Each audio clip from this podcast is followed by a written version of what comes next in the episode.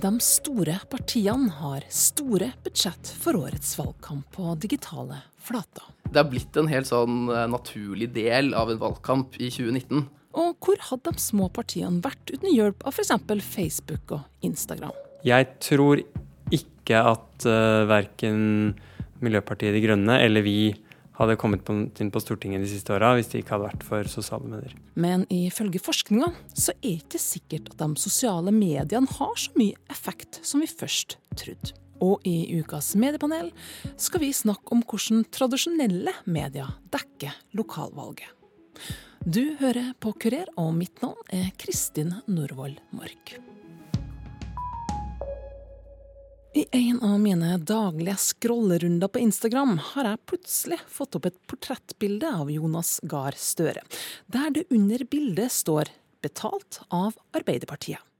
Det er flere områder eh, i Trondheim som jeg mener fortjener en bedre utvikling enn det oss ser i dag. Altså, det meste bra. En annen dag så dukket det opp en sponsa video av to av Trondheims Høyre-profiler, Marvin Wiseth og Ingrid Skjøtskift, som diskuterer Trondheims framtid i en godt lyssatt samtale. Jeg får tydelig beskjed om at de her innleggene ikke bare er sponsa, men hvem de er betalt av. For våren 2019 kom nemlig noen nye, men ganske viktige retningslinjer hos Facebook, som bl.a. eier Instagram. Facebooks annonsebibliotek gir nemlig alle som vil, innsikt i hvordan reklamer de ulike partiene, organisasjonene og bedriftene har ute på Facebook og Instagram. Og spesielt kravene til politiske parti er ekstra strenge. Der gjorde jo Facebook en helomvending. Først sa de at dette er ikke et stort problem. Og nå har de innført eh, et helt sånn annonsebibliotek. Alle annonser som handler om politikk, blir tatt vare på i syv år, tror jeg. Iver Johansen Ostebøl er kommunikasjonsansvarlig i Rødt, og tar ofte en titt i annonsebiblioteket for å se hva de andre partiene har lagt ut.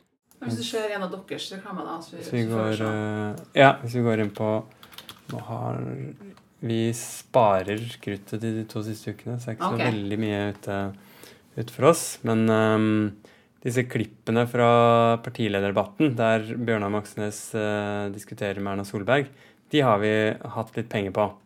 Og da kan man uh, trykke for å se mer detaljer. Det første man ser, er at de er, de er merka på en spesiell måte. Det står at de er sponsa, og at de er betalt av Rødt. Ja. Sånn at det er tydelig. For det man kunne gjøre tidligere, det var å lage en side som framsto som om det ikke var partiet som drev den. Kunne lagd en side som het eh, Nei til oljeboring, da, f.eks. Mm. Og så kunne et parti brukt sin annonsekonto og brukt egentlig en million eh, inn på å annonsere for den. Men det ville ikke eh, vært tydelig at det var det partiet som sto bak. Så det har de også rydda opp i. Så vi klikker oss inn på å se detaljene, så får vi her eh, opp informasjon her er det brukt ganske lite penger. Under 100 kroner. Og det er mellom 1000 og 5000 som har sett det. Der ser vi at det er flest folk i Oslo og flest folk ja, over 50 år som har uh, fått med seg den. Sånn uh, kan man se på de ulike Hvis man ser på Høyres annonser, f.eks., så har de, de har sånn ti ting vi har gjort i Nordland. Hvis man ser på annonsedetaljene der, så er det tydelig at de har retta det inn mot Nordland. Det er jo ikke noe rart. Nei. Skal det være en brosjyre?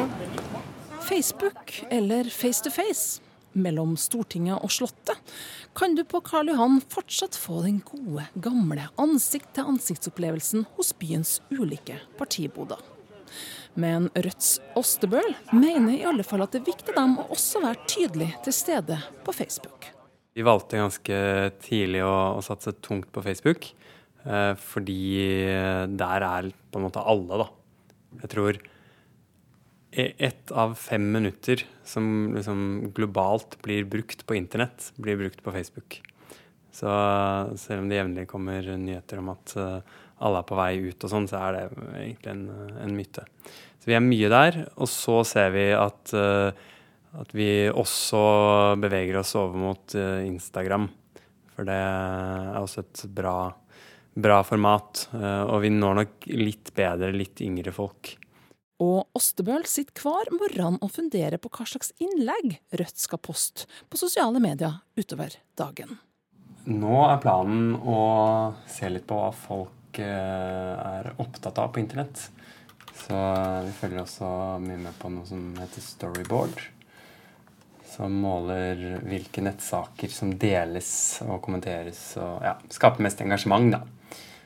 En ting som ikke fungerer i sosiale medier, det er å prøve å snakke om noe folk ikke er villige til å lytte til eller bry seg om den dagen. Man må liksom eh, man må hekte seg på den samtalen som allerede foregår. Eh, og en måte å gjøre det på, det er å følge litt med på hva som engasjerer mest. Og sjøl kan han sitte og følge med på hva som engasjerer mest på Rødts Facebook-side. Noen klipp fra partilederdebatten. Så der hadde Bjørnar Moxnes, partilederen, han hadde duell mot uh, hadde lederen la oss si lederen i en kommunal barnehage tatt penger som skulle gått til barnas beste og putta i egen lomme, ville det vært svindel og kriminell det er, eh, det er veldig sånn hjemmebane for oss. Og film engasjerer veldig ofte. Godt innhold på Facebook. Så den har engasjert masse, masse. Den har sett ja, over 20 000 ganger og har, har masse reaksjoner. Den, det er faktisk sånn at Høyre også la ut klipp fra denne duellen selv om de har veldig mange flere følgere på sin side, så har vi høyere engasjement og, og, mer reaksjoner på det vi la ut av akkurat det samme. Det er alltid veldig gøy, da, når man slår noen av de større. For mens Rødt oppgir at de har ca. 100 000 kroner i annonsebudsjett denne valgkampen, har Høyre et budsjett på rundt 2 millioner kroner i digital kommunikasjon denne tida før valget. Det kan i alle fall Kristian Laland, sjef for digitale medier i Høyres stortingsgruppe, fortelle meg. Og da får man råd til sånne effekter. Men det som er øverst her, da, er en sånn Snap-kode. Hvis du går bort, så kan du skanne den, og da åpner du opp eh, en linse. Og hvis vi går tilbake, da, så ser du at Erna begynner å snakke. Det gjør du, vet du. Ja, så det vi ser her, der ser du at Hei, Erna her. Du er kanskje ikke enig Så det er rett og slett en, en plakat som kommer til live. Så du kan skanne hvis du ser den når du skal ta bussen eller trikken eller hva det er for noe. Så kommer da statsministeren til live. Og det her har vi også på våre lokale kandidater i de største byene. Det er egentlig ganske kult. Og eh, jeg tror ingen andre politiske partier har gjort dette. Jeg tror vi er en av de første i Norge som uh, bruker liksom akkurat denne flaten da, på, på, Snapchat, og det er ganske kult. Mm, altså, Jeg er jo en helt noob på Snapchat, så det her ville jeg aldri falt meg inn at oi, her må jeg trykke også. Men hvem er det dere prøver å treffe da, med den her? Ja, nei, altså, eh, Kanskje de som er litt yngre. Vi har liksom prøvd, Hvis du ser teksten her, så står det 'skann koden, se hva som skjer'. At vi liksom kanskje klarer å trigge nysgjerrigheten hos noen. da. Ingen har gjort dette før, så vi vet ikke om det fungerer eller ikke. Men man må jo teste nye flater ikke sant, for å se om dette kan være noe. Men funker det? Blir ungdommen påvirka? Jeg spør. Tror dere at de politiske partiene har noe påvirkningskraft gjennom sosiale medier, hvis de prøver å treffe dere f.eks.? Ja, det tror jeg. Hvorfor det? Du nikker. Eh, jeg tror at det er lettest å påvirke gjennom sosiale medier, fordi det er der eh, de unge følger mest med. Det er der man får med seg mest det som skjer, og du kan kanskje tilrettelegge litt mer så treffer de unge, da. Der. Men de har ikke truffet deg ennå? Nei, det er jo litt mye kjedelige bilder og Ja, det må litt mer spennende ting til. Litt mer effekter. Litt mer videoer som treffer, ja. Og Høyre går stadig nye veier for å nå de yngre velgerne, nettopp gjennom sosiale medier. Ja, Det vi har gjort uh, denne valgkampen, som kanskje skiller seg litt ut, er at vi har utstyrt uh, statsministeren med et lite vloggekamera. Så uh, hun har med seg et lite kamera overalt hele tiden, egentlig. Så bare si det at vi Veldig avansert kamera. Det er, vi er altså da mellom Senja og Tromsø på og det ser vi funker veldig bra. Da får du på en måte være med Erna på tur i landet, møte velgere, møte folk. Og du får på en måte se det fra hennes eh, perspektiv, da. Eh, ellers på Instagram så har vi valgt en litt annen strategi enn de andre partiene. Vi driver kun med humor og memes på Instagram, og vi har vel nå ja, snart 30 000 følgere. Så der ser vi at vi kan treffe ganske godt mot de som er litt yngre. Mm. Men Erna er jo ikke lokalpolitiker, og humor er jo kanskje ikke lokalpolitikk. Kan være. Eh, hvor, hvor er det hen? Hvilken plass får det, og hvordan fungerer sånn type stoff? Ja, det, er, det, har du helt, helt, helt rett i, og det, er, det, tror jeg mange også må få med seg. at Dette er jo faktisk et kommunevalg. Eh, det vinnes der ute i landet. Så vi som sitter sentralt, vi må på en måte ikke blande oss for mye inn i hva som skal gjøres. Så vi har jo brukt mye tid egentlig på å på å hjelpe våre folk der ute eh, som skal vinne sine valg. Så vi bruker mye tid på, på opplæring før valget. At de, de som er lokalt, kan, kan, gjøre sine beste valg, da.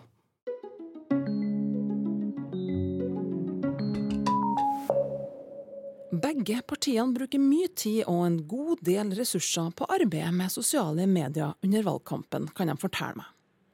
Men hvor matnyttig er det egentlig for hva du og jeg til slutt velger den 9. september. Toril Aalberg er instituttleder og professor ved Institutt for sosiologi og statsvitenskap ved NTNU. Og hun har god peiling på mediebruk rundt valg. Sosiale medier er blitt en viktig del av valgkampen. Eh, men fremdeles er det nok sånn at den er ikke så viktig som veldig mange tror. For politikerne er nok sosiale medier veldig viktig. For det er en enkel kanal å nå ut på. Hvis vi ser blant velgerne, så er det nok fremdeles de tradisjonelle mediene som er først og fremst er, er viktig, selv om man også selvfølgelig bruker sosiale medier til å innhente informasjon om valgkampen. Det vi ser i, i forhold til forskninga, er at det er først og fremst dem som er allerede politisk interessert og har eh, kanskje allerede er, eh, heier på det partiet som, som oppsøker den informasjonen.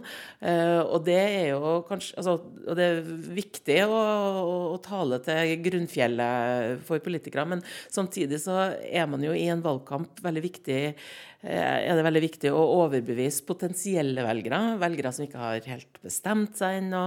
Og der er nok mulighetene kanskje vel så store i de tradisjonelle mediene som i sosiale medier. Oh ja, så sosiale medier er ikke en eh, liksom, gyllen anledning til å få tak i sofasitterne? Ikke nødvendigvis, fordi at altså, sofavelgerne som ikke nødvendigvis er så veldig interessert i politikk, de driver ikke og oppsøker eh, de politiske partiene på Facebook eller Twitter eller hvor det nå er.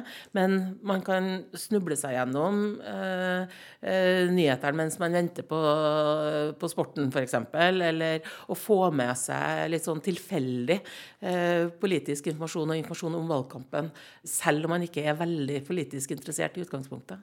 Men om ikke sosiale medier har den effekten man kanskje først hadde trodd, så mener Rødts Giver Ostebøl at for dem har det utgjort en stor forskjell.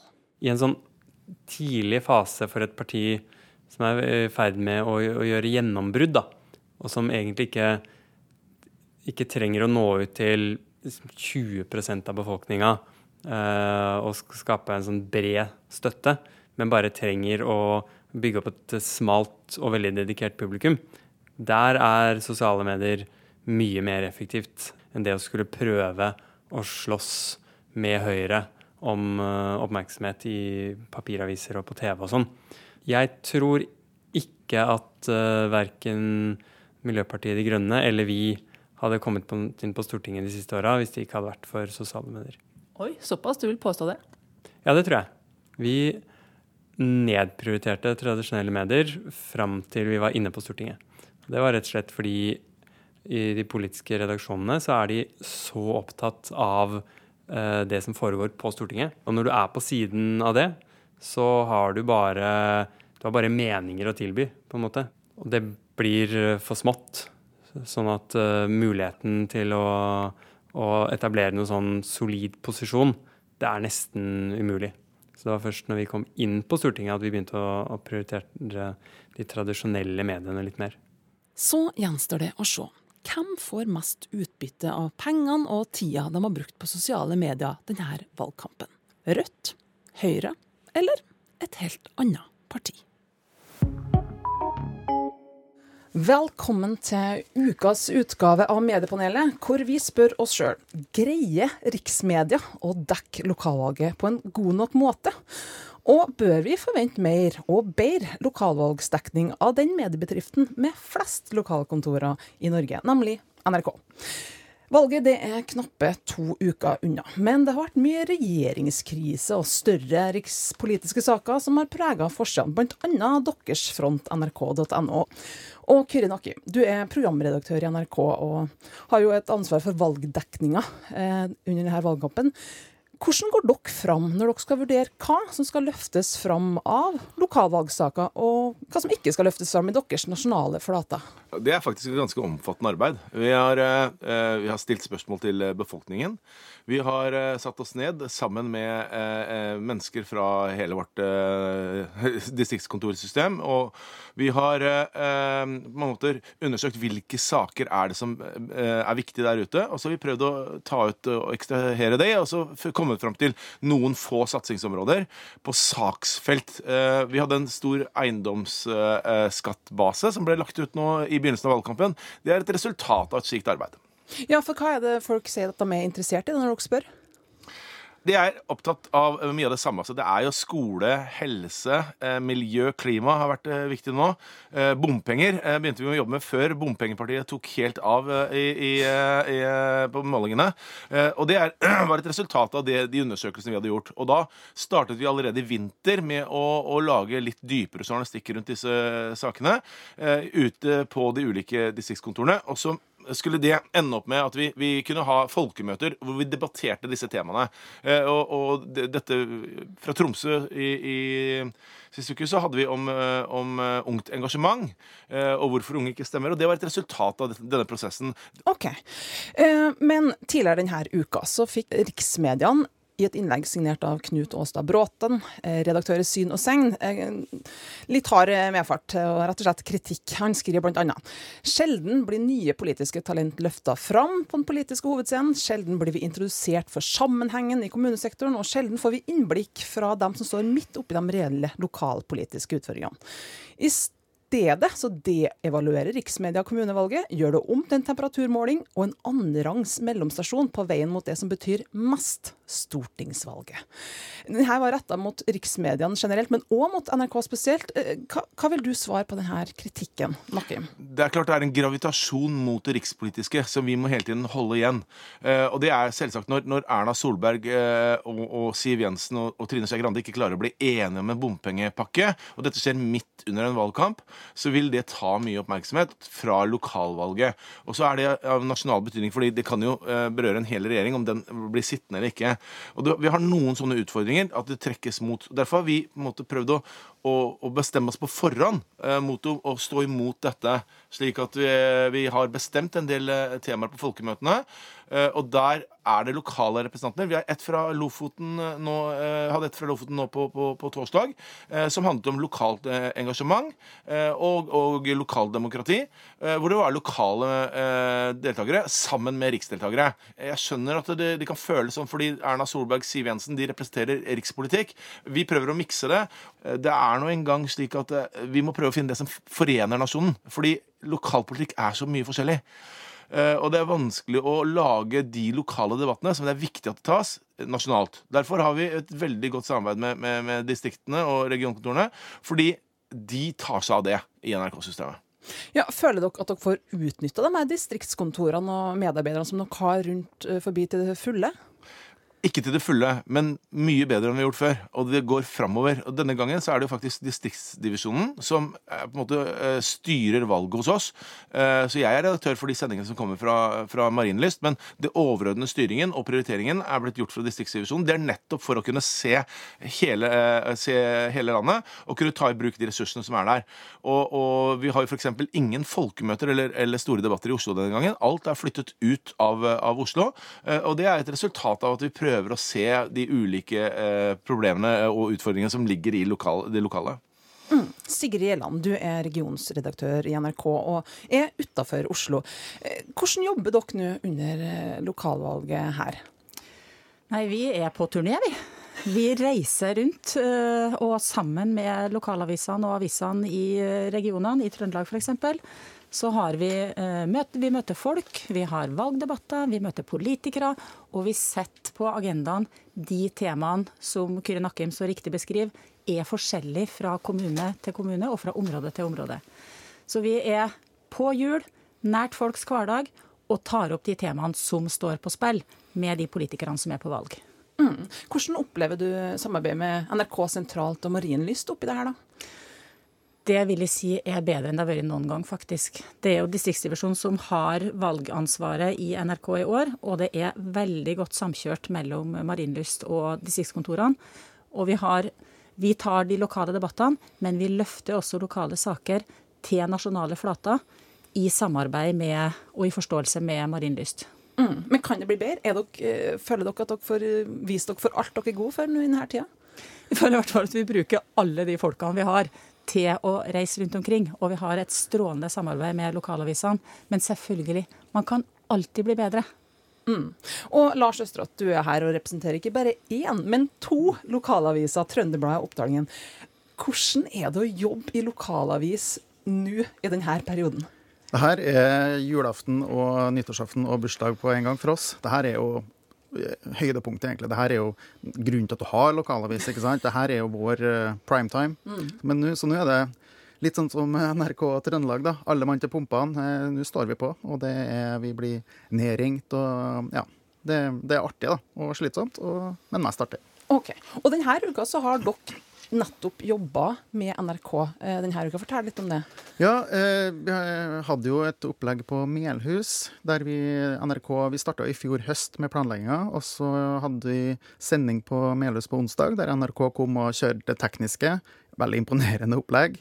Det hadde ikke vi klart på egen hånd. Og så bidrar vi med lokalkunnskap og litt analyser og innspill til deltakere og sånne ting. Så de var en hel dag uh, hos oss da, og dekka tre, tre kommuner.